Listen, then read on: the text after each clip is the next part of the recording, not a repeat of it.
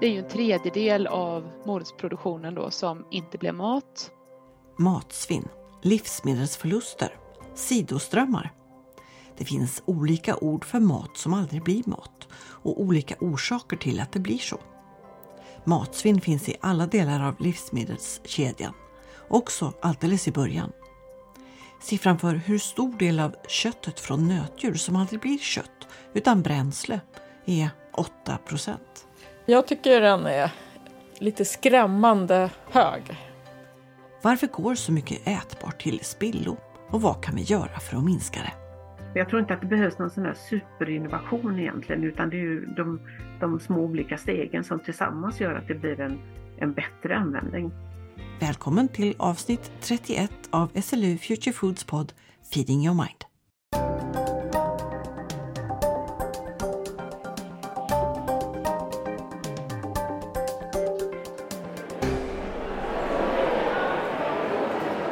Vi börjar i Sorlet på Nordic Food Waste Summit.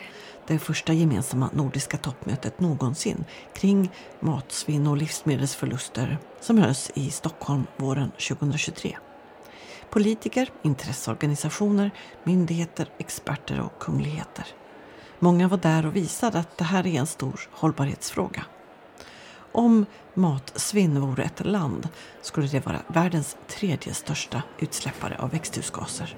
Vi må se på hele verdikjeden til mat, for alle steder kastes det mye mat. Så det er ikke bare sånn at vi kan si at det er noen som har ansvar. Alle har ansvar hvis vi skal klare å nå målet fram mot 2030. Mette Nygård Havre från det sociala nätverksupproret Spis upp maten, Ät upp maten i Norge var en av många som gärna ville prata om det ohållbara i att så mycket mat slängs och vad vi kan göra åt det. Hon var en av dem som arbetade fram att märkningen Bäst före, ofta bra efter blev verklighet. Först i Norge och sen i Sverige. Hon började kämpa mot matsvinn för sju år sedan då hon själv jobbade i avfallsbranschen. Och jag blev väldigt chockerad när jag såg all den goda maten som bara blev kastet. Det är därifrån ditt engagemang kommer, att du såg verkligen maten vi slänger.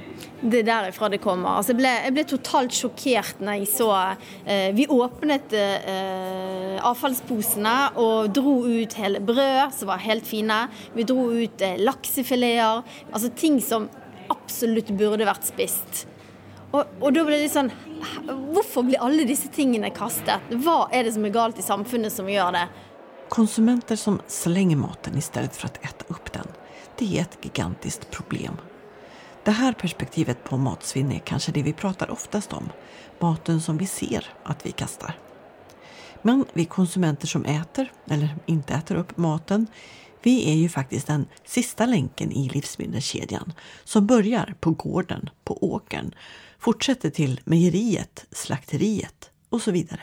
Vi har tittat på åtta produkter då. Nötkött, mjölk, griskött, vildfångad fisk och skaldjur, potatis, kvarnvete, morötter, jordgubbar. Karin Lindov är projektledare inom matsvinn och resurseffektivitet på Jordbruksverket som gett forskare på SLU i uppdrag att undersöka och skriva rapporter om produktionsflödena från primärproduktionen av de här livsmedlen. Det handlar alltså om att få koll på hur stor del av till exempel nötdjuren som aldrig blir kött. Eller hur många procent av jordgubbarna som blir kvar och ruttnar ute i fält. Vi har för varje produkt skräddarsytt kan man säga en metod. Där vi tittat på vad finns det för tillgänglig data? Vilka undersökningar behöver man lägga till? Hur får vi ut bra kunskap? Och det ser lite olika ut för varje, för varje produktgrupp.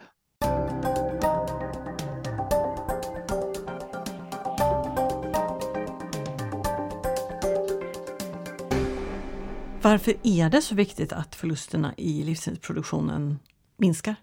Det är ju eh, livsviktigt för vår jord att vi verkligen eh, jobbar med, med minskad miljöpåverkan i, i allt och, och likaså i, i livsmedelsproduktionen. Så att minskad eh, miljö och klimatpåverkan men också att vi kan bygga upp vår produktion och att, att det påverkar lönsamheten för för producenter och har vi inga lönsamma producenter så kan de inte investera i teknik och metoder för att producera hållbart. Så det, det hänger ju ihop. Vi vill ju ha en, en eh, svensk matproduktion. mm. som ökar.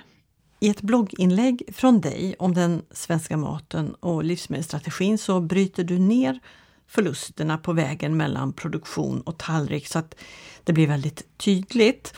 Eh, 2020 års siffror då. Det handlar om 674 miljoner kronor som förloras. 329 000 ton koldioxidekvivalenter som släpps ut i onödan, eller hur man ska säga. Och omräknat till mat 100 miljoner 100 grams portioner nöt eller fläskkött och till det 55 miljoner mjölkglas. Eh, så mycket, hade alltså, så mycket mer hade alltså funnits om förlusterna varit noll och om allt hela tiden var perfekt, vilket det förstås aldrig är. Men nivån på de här förlusterna som de är nu, bara i Sverige, vad säger du om dem?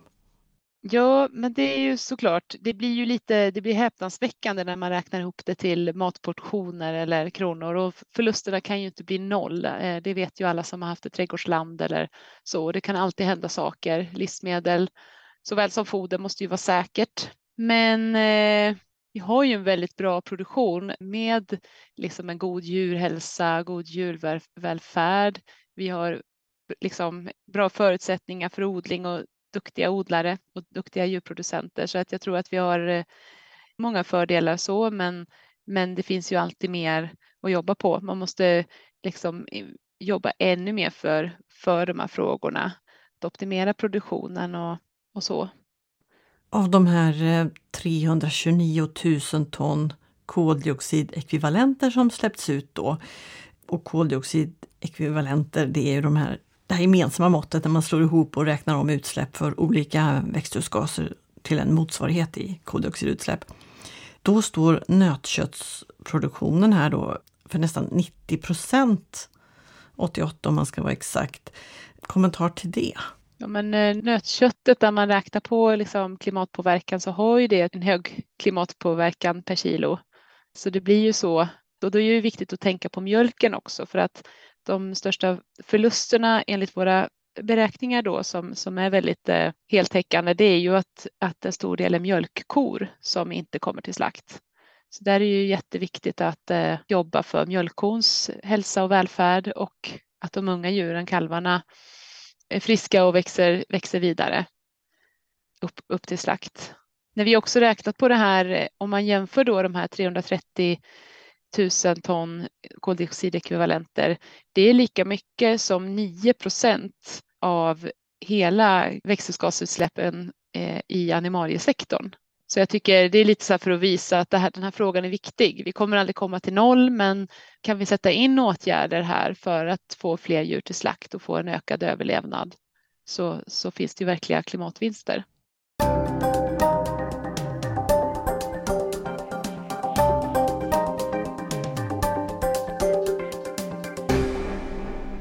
Ja, verkliga klimatvinster finns inom räckhåll om livsmedelsförlusterna i produktionsledet minskar, säger Karin Lindov på Jordbruksverket. Så vidare till några av de SLU-forskare som står bakom delrapporterna för olika livsmedel. Rapporterna som sammanfattar vad, hur och varför det ser ut som det gör med förlusterna tidigt i livsmedelskedjan. Ingrid Strid har arbetat med rapporten Livsmedelsförluster vid slakt av grisar och nötkreatur. Och förlusten av nötkött är stor.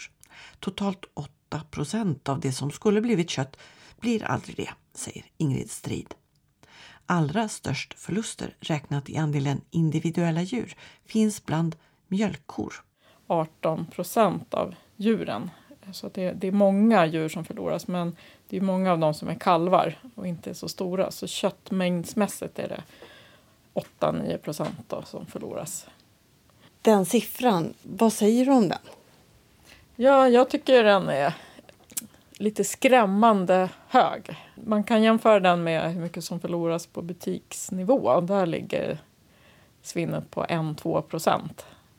Så 8 procent är ju minst fyra gånger så mycket. Då om de inte ens tar sig till slakteriet så är det en förlorad kropp.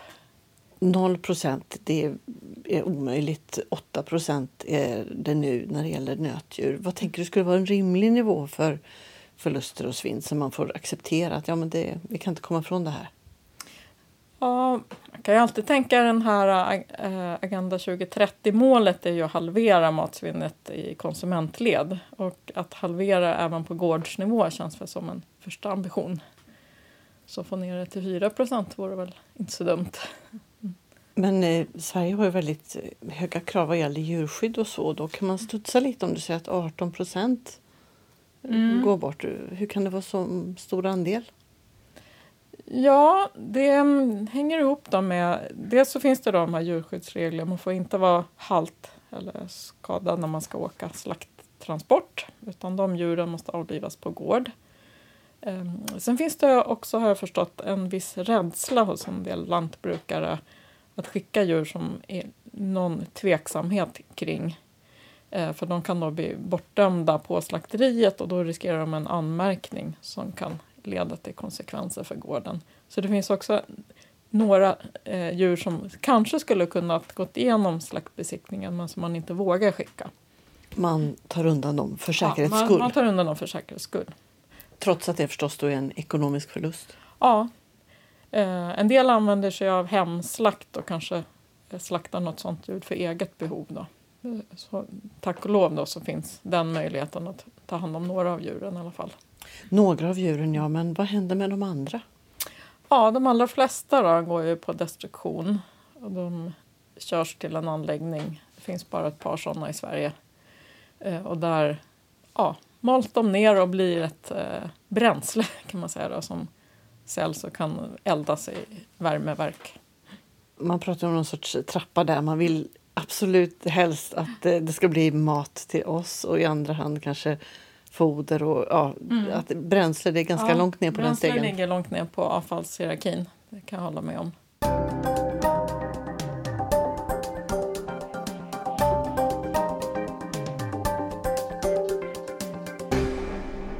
Nu har vi pratat om djur som inte kommer iväg från gården.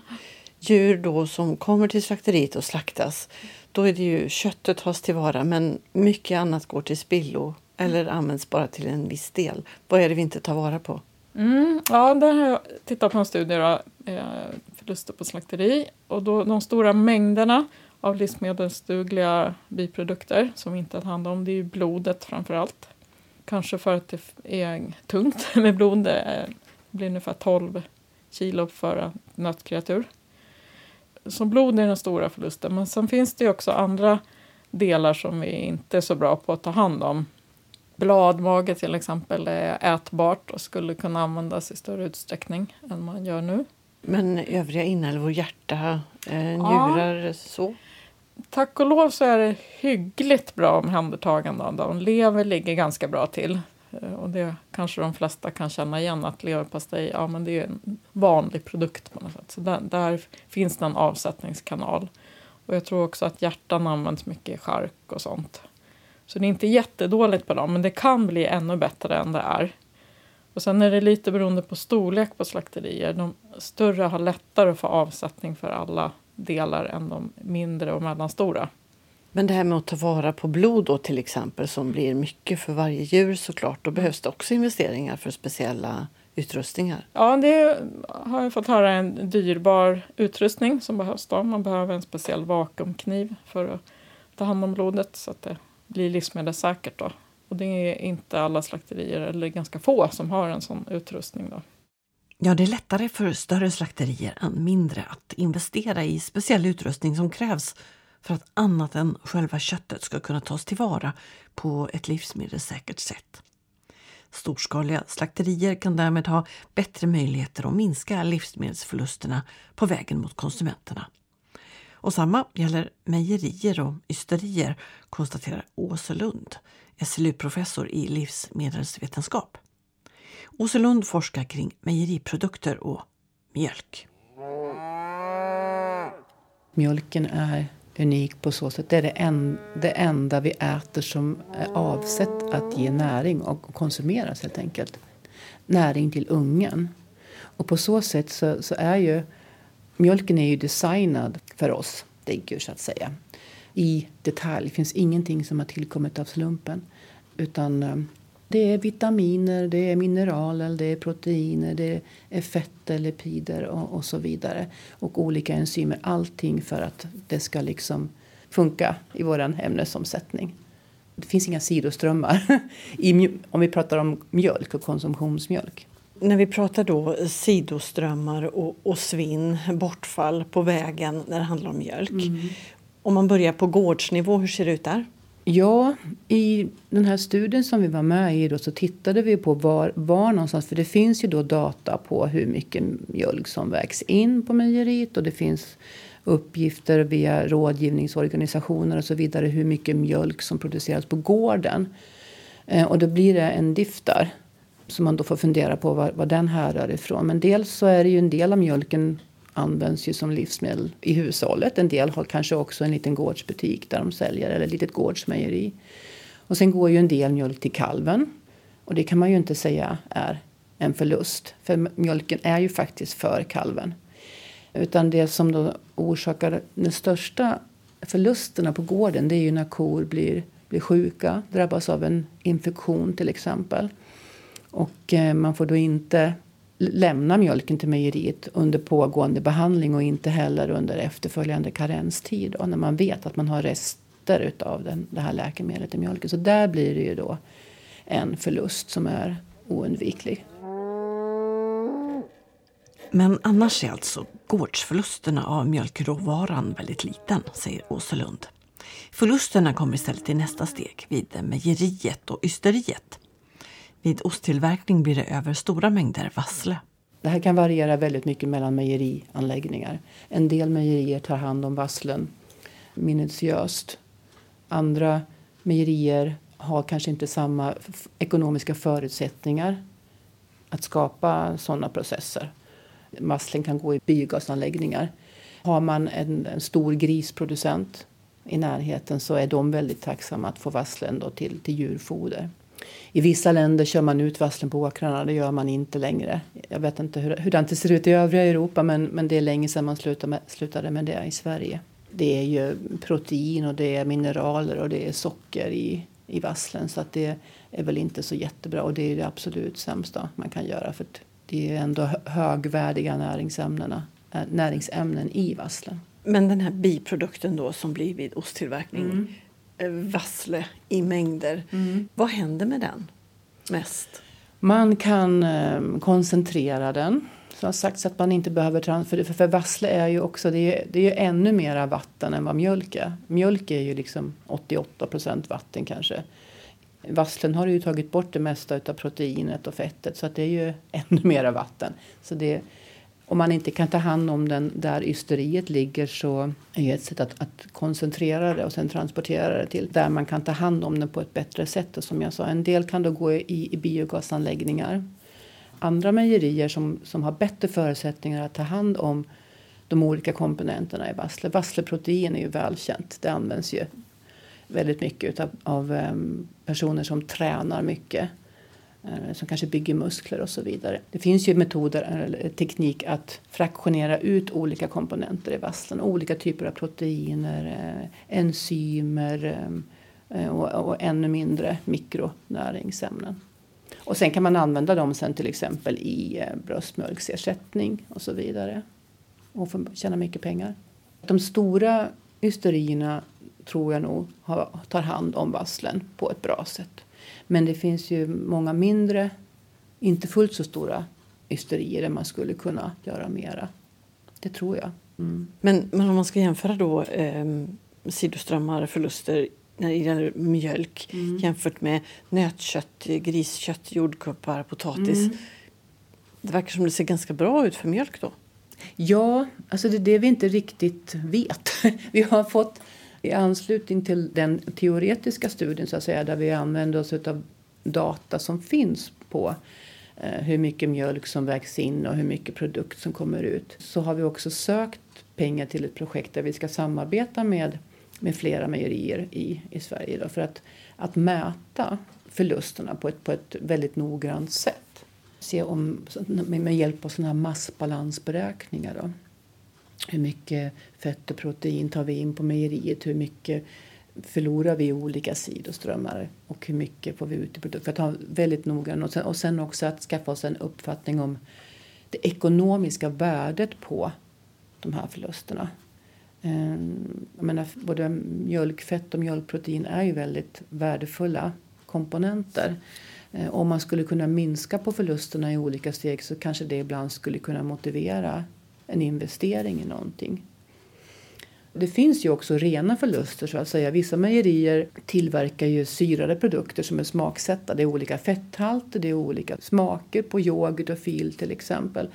Och eh, när man har kört en produkt i en linje och ska byta till nästa produkt så måste man ju till exempel skölja ut allt, allting i processen, i ledningarna och tankar och så vidare, så kallad gränsmjölk. Det går ju ut i avlopp det är ju en förlust som jag inte, inte vet om det går att göra någonting åt. Den. Det skulle i sådana fall vara att inte ha så himla många olika smaker. Så vi konsumenter och våran efterfrågan är ju också någonting som har lett till lite grann till de här problemen ibland. Ja, och eh, förlusterna på vägen har vi pratat om nu, men mm. förlusterna hemma i köket när man häller mm. ut den där mm. yoghurten mm. eller gamla mjölken. Jag såg någonstans när, när jag höll på med, med det här förra projektet att Ja, hur mycket mat är det som som, som vi, som vi kasserar? Är inte det en tredjedel mm. nästan av allting som vi bär hem? Och en typ av produkt som stod för en 30-35 procent av allt avfall i hushållen det är ju flytande mejeriprodukter, alltså mjölk och eh, syrad mjölk, filmjölk, yoghurt och så vidare. Som dessutom ofta har en mycket längre hållbarhet än vad det står på förpackningen. Man ser framför sig en otrolig potential att eh, spara in här och ta vara på mer. Ja, och syrad mjölk är ju absolut inte en av de produkterna som blir farlig på en gång. Hur gör du själv för att inte hälla ut uh, mjölkprodukter hemma? Då? Jag äter upp dem.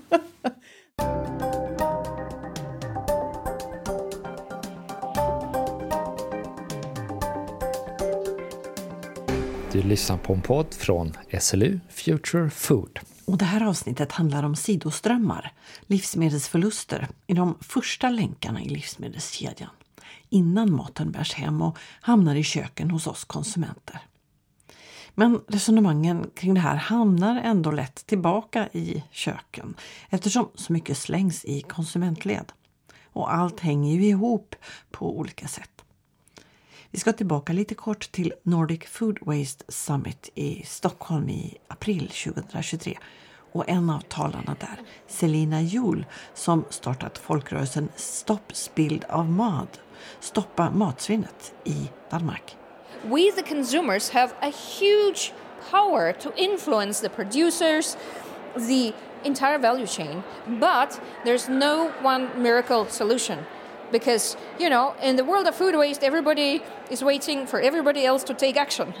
So we need to take actions ourselves to show the best examples what we can do at our homes what we can inspire uh, our supermarkets our food producers governments municipalities and then the snowball is rolling. I matsvinnsvärlden är Selina Jul en stjärna som diskuterat matsvinn med påven, uppmärksammats av medier som CNN och BBC och som samarbetar med danska prinsessan Marie kring matsvinnsfrågor. Vi konsumenter har enorm makt att påverka hela värdekedjan är Selina Juls övertygelse. Liksom att en beteendeförändring måste till. För, säger hon, i matsvinnsvärlden väntar alla innan alla andra ska agera. Hon ser konsumenternas makt att påverka och inspirera sina lokalsamhällen, regeringar, mataffärer och matproducenter. It is a huge issue today. 8 to 10% of the global greenhouse gas emissions comes from food waste. Rörelsen Stoppa matsvinnet har växt rejält i Danmark de senaste 15 åren och inspirerat till att några livsmedelskedjor slutat med kampanjer som Köp tre, betala för två. En viktig del i att så mycket mat går till spillo är ju helt enkelt att vi måste förebygga problemet genom att inte överproducera mat, säger Selina Jul. We need to concentrate on the hidden food waste. It's called food loss or the overproduction to begin with, instead of just overproducing the food and throwing the food away and continuing the loop. We have a business model with um, the biggest producers of, uh, for example, carrots, of vegetables, and they do have uh, crook carrots, they have wonky vegetables, they have ugly tomatoes. Uh, before our collaboration, they were just thrown away in the fields, food loss. Today, they are sold in the stores, which is good because the farmers are getting money out of something that they couldn't sell before. So, this is the new take and the new business model. Numera går det att sälja fula tomater och grönsaker som ser lite konstiga ut i butikerna i Danmark.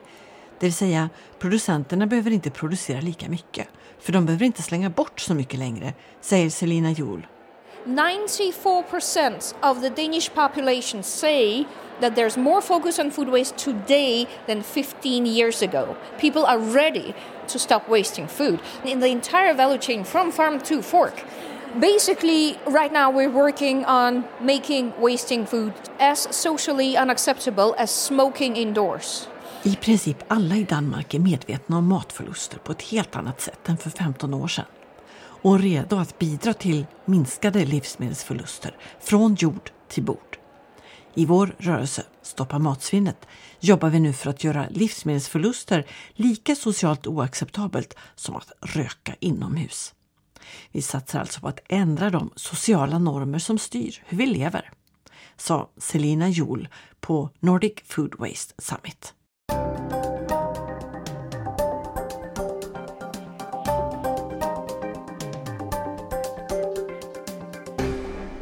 Att göra matsvinn lika socialt oacceptabelt som att röka inomhus. Vad tänker du om den målsättningen? Jag tycker det är en bra målsättning att man tänker sig att den, mat man producerar som är ämnat till att vara livsmedel, att det också ska bli livsmedel och att man inte då sorterar bort det eller ja, inte använder det helt enkelt. Marie Olsson är professor vid institutionen för växtförädling vid SLU. Men även om hon också tycker det låter som en bra idé att jobba för att göra matsvinn i hela kedjan socialt oacceptabelt så ser hon att allt inte skulle vara löst genom att butikerna också skulle köpa in till exempel grönsaker med skönhetsfel från producenterna. De får knappast lika mycket betalt för de som inte ser lika fina ut. Så att det, det innebär en ekonomisk förlust för dem. Så att det, det finns ju en skepsis hos odlarna, vilket man förstår ur deras ekonomiska synvinkel. Eh, men det finns ju en, en eh, ökad medvetenhet idag om att vi bör äta mera grönsaker. Så att jag tror egentligen att öka mängden, utbudet av olika produkter snarare än att tänka sig att man liksom ska ta in de här fula också så att säga.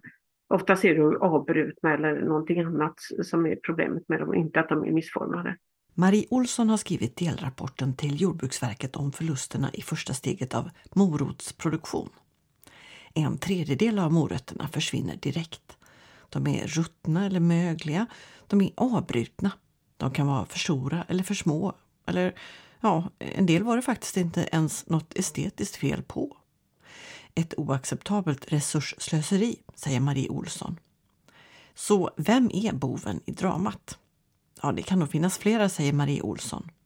Handeln har olika saker att förhålla sig till, exempelvis EUs handelsnormer. Som är ganska ospecifika faktiskt, ganska tillåtande. Sen så har man också FN som är lite mer specificerad. Mm. Så FN kan faktiskt ligga bakom en del matsvinn då? Det tänker man ju inte. Ja, så kanske man kan se det. Men, men samtidigt så är det ju handeln som väljer vilken norm som de vill gå efter och vilken norm de sätter upp för kraven på de de köper av. Så det är ju faktiskt handeln som bestämmer vilken nivå på krav de ska ha. Och handeln säger naturligtvis att det är konsumenterna, så att eh, det är vem är hönan och vem är ägget. Men någonstans så kan man ju tänka sig att man faktiskt har en större acceptans för att morötter kan vara olika, ha olika storlekar utan att det gör någonting. De kan vara lite mindre och kan vara lite större. Eh, men också att man kanske kan tillåta att det finns någon liten fläck på en morot. Hade man själv odlat den så hade man definitivt inte sorterat bort den här för den lilla fläcken på moroten. Så i handelns version av det hela så är det liksom konsumenterna som kräver de här fina morötterna. Eh, Selina Juhl då från Stoppa matsvinnet i Danmark, hon känner att vi är där nu där konsumenterna förstår att vi kan inte hålla på så här. Vem tror du har mest rätt av dem då? Det är väldigt svårt att säga egentligen.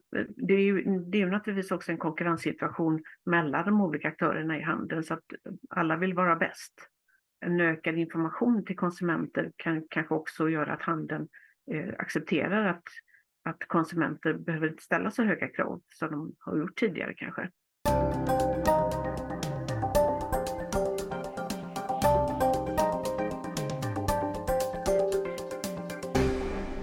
I en presentation från Livsmedelsakademin som arbetar med komplexa frågor som kräver samarbete då mellan näringsliv, akademi och samhälle för att bidra till en innovativ, konkurrenskraftig och hållbar livsmedelsnäring, så beskriver de sig själva. I en presentation från Livsmedelsakademin så läser jag att restflöden och sidoströmmar har en enorm potential men kräver nya sätt att samarbeta. Det finns ett stort behov av både nya affärsmodeller och ny infrastruktur, men möjligheterna är oändliga. Håller du med? Ja, det gör jag faktiskt. Jag tycker fullkomligt så att det, ju, det finns en stor potential av producerade livsmedel idag som vi faktiskt inte använder. Det kanske saknas möjligheter att expandera för, för nyföretagande till exempel, att man måste då göra investeringar som man kanske inte eh, vågar göra för det är lite osäkert med de här nya produkterna. Så att där tror jag att det skulle behövas en diskussion om hur ska man kunna expandera den här förädlingsindustrin hur ska det gå till? Det finns en sån tveksamhet till investeringar i, i ny teknik eller överhuvudtaget eh, den utrustning man behöver för att tillverka de här nya produkterna. Mm. Men var finns eldstjärnorna i detta? Jag tror att det skulle kunna finnas både bland de etablerade livsmedelsindustrierna idag men också bland nya aktörer så att, att man kan satsa på nya produkter. Men just det här steget att, att det kanske inte finns den tekniken man behöver idag det gör ju liksom att det blir ett hinder för att kunna gå vidare med att ta hand om de här både sidoströmmar och matsvinn som skulle kunna bli nya produkter. Och precis som matsvinn är ett väldigt stort begrepp så nu sa du ju sidoströmmar och det kan man kanske se som en del av matsvinnet men det är det att det som inte tas tillvara nu då det, det är ju olika, man kan dela upp det i högar också. Alltså morötter till exempel, det är ju moroten och så är det blasten. Men, men broccoli, där har vi en potential. Ja, precis. Vi har jobbat i ett projekt och fortsätter ett nytt projekt för att se vad man kan göra av broccoliblad som idag inte används utan bara plöjs ner. Men själva verket så är de väldigt näringsrika och väldigt bra livsmedel. Och till exempel i USA så används de som livsmedel. Men de ser inte så snygga ut alltid så att det är svårt att ha dem som färskvara så. Men om man, om man eh, skördar dem, tar vara på dem och gör dem i någon form av processad eh, livsmedel så skulle de vara jättebra. Eh, ur näringssynpunkt också. Och även efter process då har vi sett. Och ni har testat att eh, torka broccoliblad och eh, mala till ett pulver? Ja, precis. Det är fullt möjligt att göra det idag och faktiskt skörda och ta vara på de här broccolibladen. Man kan till exempel baka in i bröd, man kan använda det i olika soppor eller eh, blanda in det i någon eh, panering på en fisk eller någonting sådant. Så att det finns ju väldigt mycket olika användningsområden. Det är egentligen bara fantasin som, som eh, sätter gränser där. Pågår sådana här eh, försök just nu med att använda broccolipulver för att panera produkter eller ha som del istället för mjöl i någonting man bakar? Vi lyckades eh, man säger, få ihop en lösning så att vi kunde göra ett försök i stor skala men men för en kommersiell produktion så finns det idag inte den, den utrustningen i Sverige att använda. Så ska man göra svenska produkter så är det svårt att få till det helt enkelt. Så det, det, är en del av de här hindren på vägen som man måste överkomma. Liksom, hur löser man det då när vi inte har den befintliga utrustningen som man skulle behöva för de nya produkterna? Och den, den diskussionen tror jag är viktig att ta för att jag har ju hört andra exempel på att man skulle vilja producera nya produkter av sidoströmmar. Eh, men inte, det finns inte den tekniken i Sverige då, så att ska man göra svenska produkter så måste man gå utomlands och liksom frakta de här råvarorna utomlands för att göra de processerna. Men vad behöver förändras då? För då kan man ju verkligen förstå producenter vill producera men tekniken finns inte på plats och man vet inte om marknaden vill ha det här. Det känns som hinder som ligger i vägen och inte kommer flytta på sig. Ja, jag, jag har inte lösningen på hur det ska lösas ekonomiskt så. Men jag tror att det är viktigt att man, att man lyfter upp det här och visar att ja, men det finns möjligheter. Vi har råvaror, vi skulle kunna producera mera svenska eh, livsmedel, men eh, någon måste göra de här investeringarna och hur ska man då kunna underlätta det?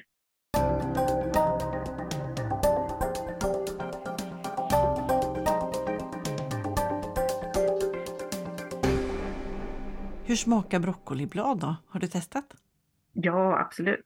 Det är, det är ju väldigt likt grönkål. De är ju nära släkt. Så att man kan säga att det, ja, det liknar grönkål helt enkelt. Och de har likvärdig eh, näringsinnehåll också. Och grönkål anses ju som en väldigt bra eh, näringsriktig produkt. Broccoli förstår jag då det är ett väldigt bra exempel på en produkt där vi kan ta vara på mer än vi gör idag. Men finns det fler sådana grönsaker med uppenbara sidoströmmar att förvalta bättre? Ja, det tror jag definitivt. Det finns ju till exempel när man producerar ärtor så blir det ju ärtskidor. Det är ju också en, en möjlighet att man skulle kunna ta vara på dem och göra olika processade livsmedel. Men jag, jag tror att det är viktigt att vi, att vi ser att allting ska inte gå till färskvarumarknaden så, utan vi måste kunna ta vara på det på ett annat sätt. Och kanske också att vi, att vi tänker mera olika typer av sätt att bevara livsmedlen eh, och, och inte tänker i säsong som vi har gjort ganska mycket under de senaste decennierna, alltså, utan mera av eh, traditionella sätt att bevara livsmedel. Och då menar du torka, lägga in, eh, frysa? Ja, precis.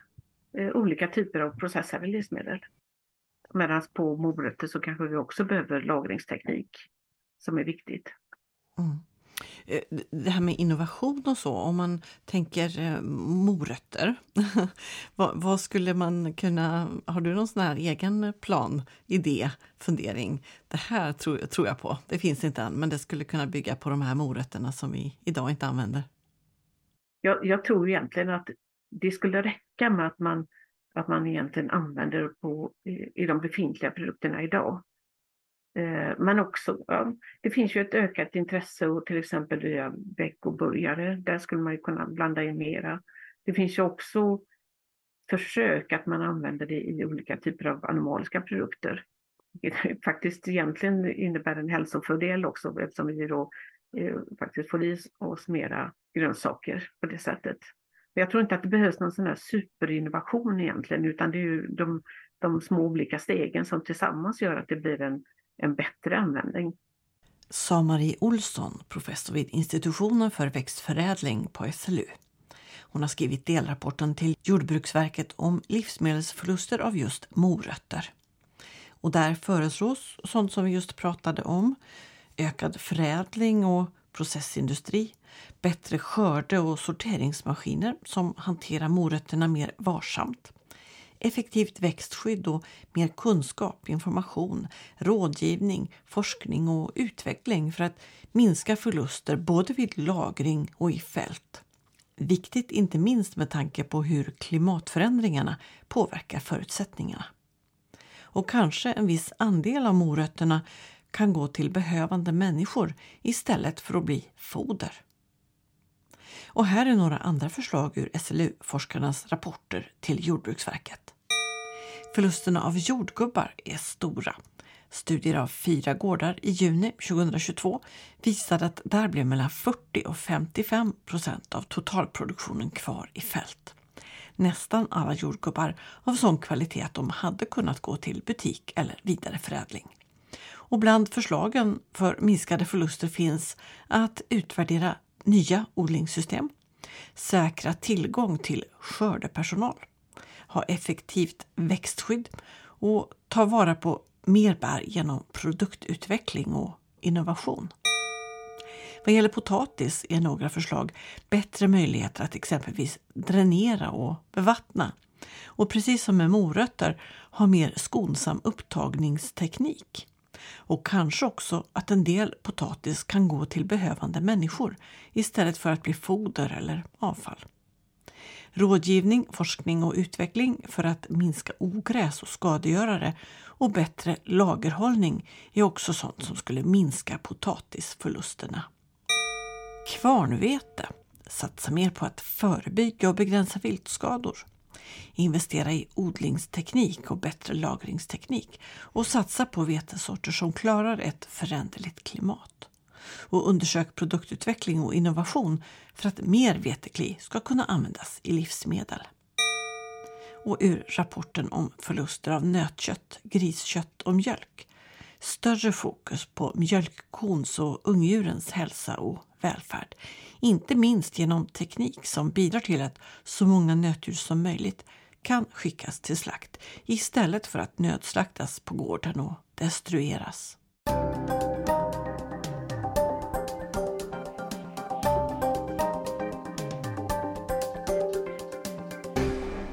Ja, orden innovation, forskning, utveckling och ny teknik förekommer flitigt bland förslagen till förbättringar kring alla undersökta livsmedel. För mjölkkor till exempel kan man ju ha kameraövervakning och olika metoder att löpande följa hur djuren mår. Ja, men det är precis sånt. Tillbaka till Karin Lindov, projektledare inom matsvinn och resurseffektivitet på Jordbruksverket. Att eh, ha jag menar, ny teknik, det kommer ju mycket, eh, men också att, att ha råd att investera i den här tekniken och kanske bygga om stallar till att ännu mer eh, främja hälsa och välfärd hos djuren. Så att, eh, det är verkligen sådana såna viktiga frågor. Men alltså det konstateras ju att god ekonomi är centralt här för att producenter och slakterier ska lyckas få ner förlusterna på vägen. Man behöver ha råd att investera i stallmiljö och teknik och, och rådgivning. Och, ja, det är klart, det behöver man ju, men hur ska man nå dit då om man inte redan är där med dagens marknad och konkurrens? Ja, det kan väl krävas både satsningar, liksom att man eh, ja, men satsar på sånt från eh, politisk nivå, det vet inte jag, men det är någonting vi, det här blir ett underlag till det när man sen gör prioriteringar för olika satsningar och så där. Sen hänger det väl lite ihop också. Jag menar, minskar du förlusterna så kan man ju tjäna på det. Så att det man vinner i att minska förluster då, om man tänker ett nötkreatur som du får 15-20 000 för att skicka till slakt. Om det blir kadaver så får du betala 2-3 tusen för kadaverhämtning. Så att eh, det, hänger ju ihop. Minskade förluster kan göra att ekonomin blir bättre och då har du också möjlighet att jobba ännu mer för minskade förluster. Win-win där. Men sen säger jag inte att det är lätt. Kunskapen och insikterna från de här rapporterna, hur tas det bäst tillvara framåt? Ja, eh, det finns ju åtgärdsförslag i varje rapport, så det är jätteviktigt att eh, vi fortsätter vi tittar, tittar på dem, vad man kan göra och att det är många som kan bidra här och verkligen eh, jobba för att mer ska bli mat. Så där, där tänker jag att dels är det här samarbete för minskat matsvinn, SAMS, ett branschsamarbete. Där jobbar man mycket med åtgärder. Men här tror jag alla, många aktörer i, i hela livsmedelssystemet kan, kan hjälpa till, för det handlar ju om vad vi efterfrågar också och vilka krav vi ställer på produktionsleden.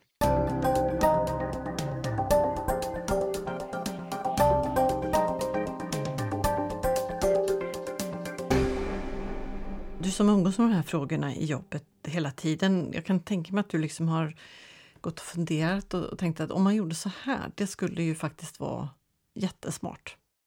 Ja, morots, alltså morotsprodukter och mer potatisprodukter skulle jag vilja se. Alltså morotsgrönsaksbollar. Alltså, jag tycker som har barn, eh, man vill ju gärna lätt att köpa köttbullar färdiga för att det är smidigt. Nu lagar vi mycket mat från grunden också, men har man bråttom så är ju det smidigt. Men varför inte fler morotsbollar? Och det finns ju lite sådana grönsaksbollar, men ännu fler sådana innovationer av eh, grönsaker med svensk svenskt ursprung skulle jag vilja se hemma i mitt kylskåp. Ja, fler innovationer som bättre tar vara på sidoströmmar i livsmedelsproduktionen väntar Karin Lindov på Jordbruksverket på.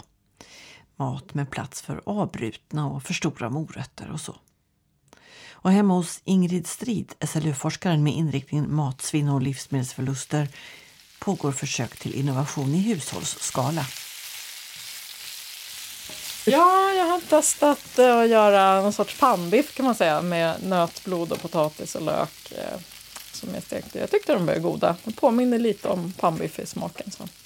Är du undantaget eller tänker du att det skulle kunna vara en väg att vi så att säga tar tillbaka och äter mer av sånt som vi numera ratar eller måste man hitta andra sätt? Eh, jag är nog inte helt unik. Det borde finnas fler som kan tänka sig sånt här. Men kanske att inte hela stora massan av befolkningen är riktigt där än tankemässigt. Då. Ehm, men jag är också inblandad i ytterligare ett annat forskningsprojekt där vi tittar på att göra nya matvaror där vi bland annat vill ha med blod. Då. Vi kallar projektet Blod och rova och det är tillsammans med IVL i Stockholm och Axe Foundation till exempel Det är de som ska hjälpa oss att ta fram själva matprodukterna. Så det är ett spännande projekt. Vi var där på provsmakning igår. Provade olika blodkorvar och blodpudding och sånt. Så för att komma i stämning kan man säga när vi börjar tänka i nya banor. Och så. Mm. Och hur långt är det från det projektet till att sådana produkter finns i butik? Ja, 2025 är det tänkt att vi ska ha en stor provsmakning för allmänheten. Och i bästa fall så tror jag att det går att lansera en produkt då. Eh, så det är inte jätteavlägset bort, utan ett par år bort så tror vi att det ska finnas något spännande tillgängligt. Så hoppet är liksom inte ute att kunna skapa nya... Nej, jag tänker om man vill skapa mer efterfrågan för eh, blodprodukter så har vi i alla fall en tåt att dra i. Mm. Sen kan man ju hoppas att andra också hänger på och vill utveckla andra grejer. Det är ganska stora volymer blod att ta hand om. Vi kommer ju inte kunna ta hand om allt blod i det här projektet. Tänker du när det gäller då sidoströmmar och förluster, är det någon del av livsmedelssektorn som man verkligen borde prioritera? Alltså, jag för det, det ruttnar bort en massa jordgubbar, en del um, potatis blir aldrig upptagen, en del nötdjur kommer aldrig till slakt. Mm. Det är hur jämförbara ja, storheter ja, då, då måste jag ändå få säga, nu kanske jag känner mig lite biased eftersom jag är så intresserad av det här, men det finns ju en anledning till att jag är intresserad av det här och det är för att jag tycker att djurförluster har så mycket större betydelse än att vi förlorar vegetabilier.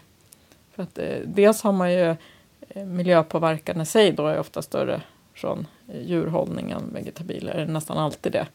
Så det är en, en tung anledning. Men dessutom har vi de här djurvälfärdsaspekterna som kommer in. Djur som eh, behöver födas upp och kanske råkar ut för ett lidande. Det, om man kan få ner de förlusterna så är det så, så många vinster vi kan göra.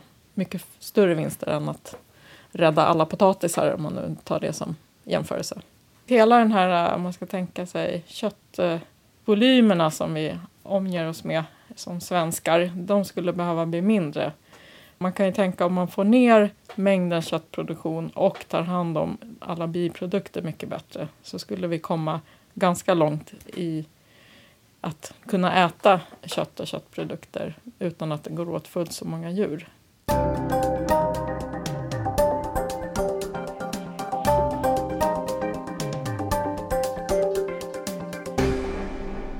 156 miljoner portioner blodpudding räknade jag fram, blir inte mat.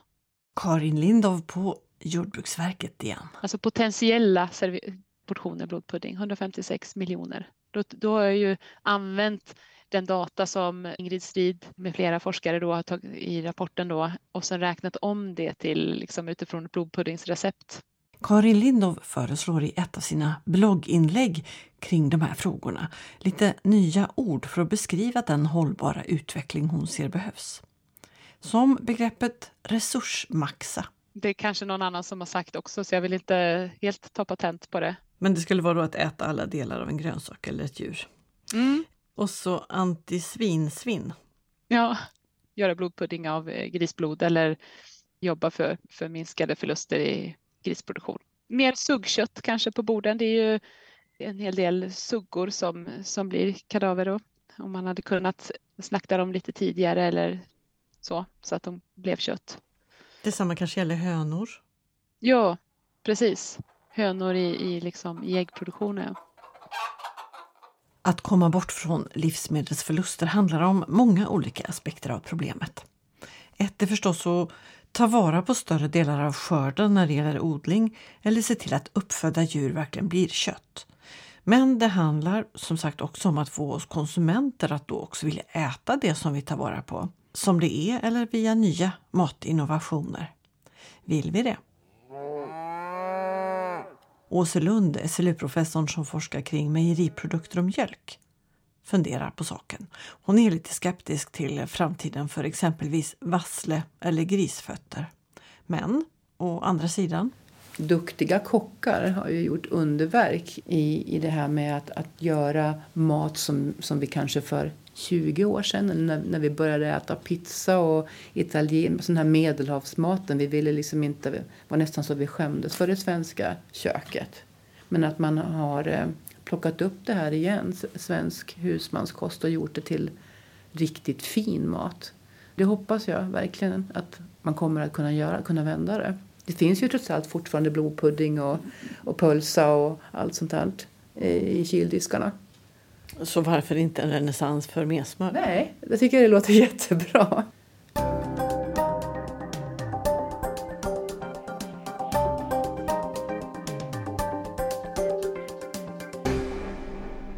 Drivkraften att kraftigt minska livsmedelsförluster och sidoströmmar i alla steg på vägen, inte minst i de första leden, är stark nu hos många. Gällande såväl sånt som potatis och morötter som kött och mjölk. Ett uttryck för det var det första nordiska toppmötet kring matsvinn, Nordic Food Waste Summit, som hölls våren 2023 i Stockholm. Med bland andra Selina Jul från den danska folkrörelsen Stoppa matsvinnet.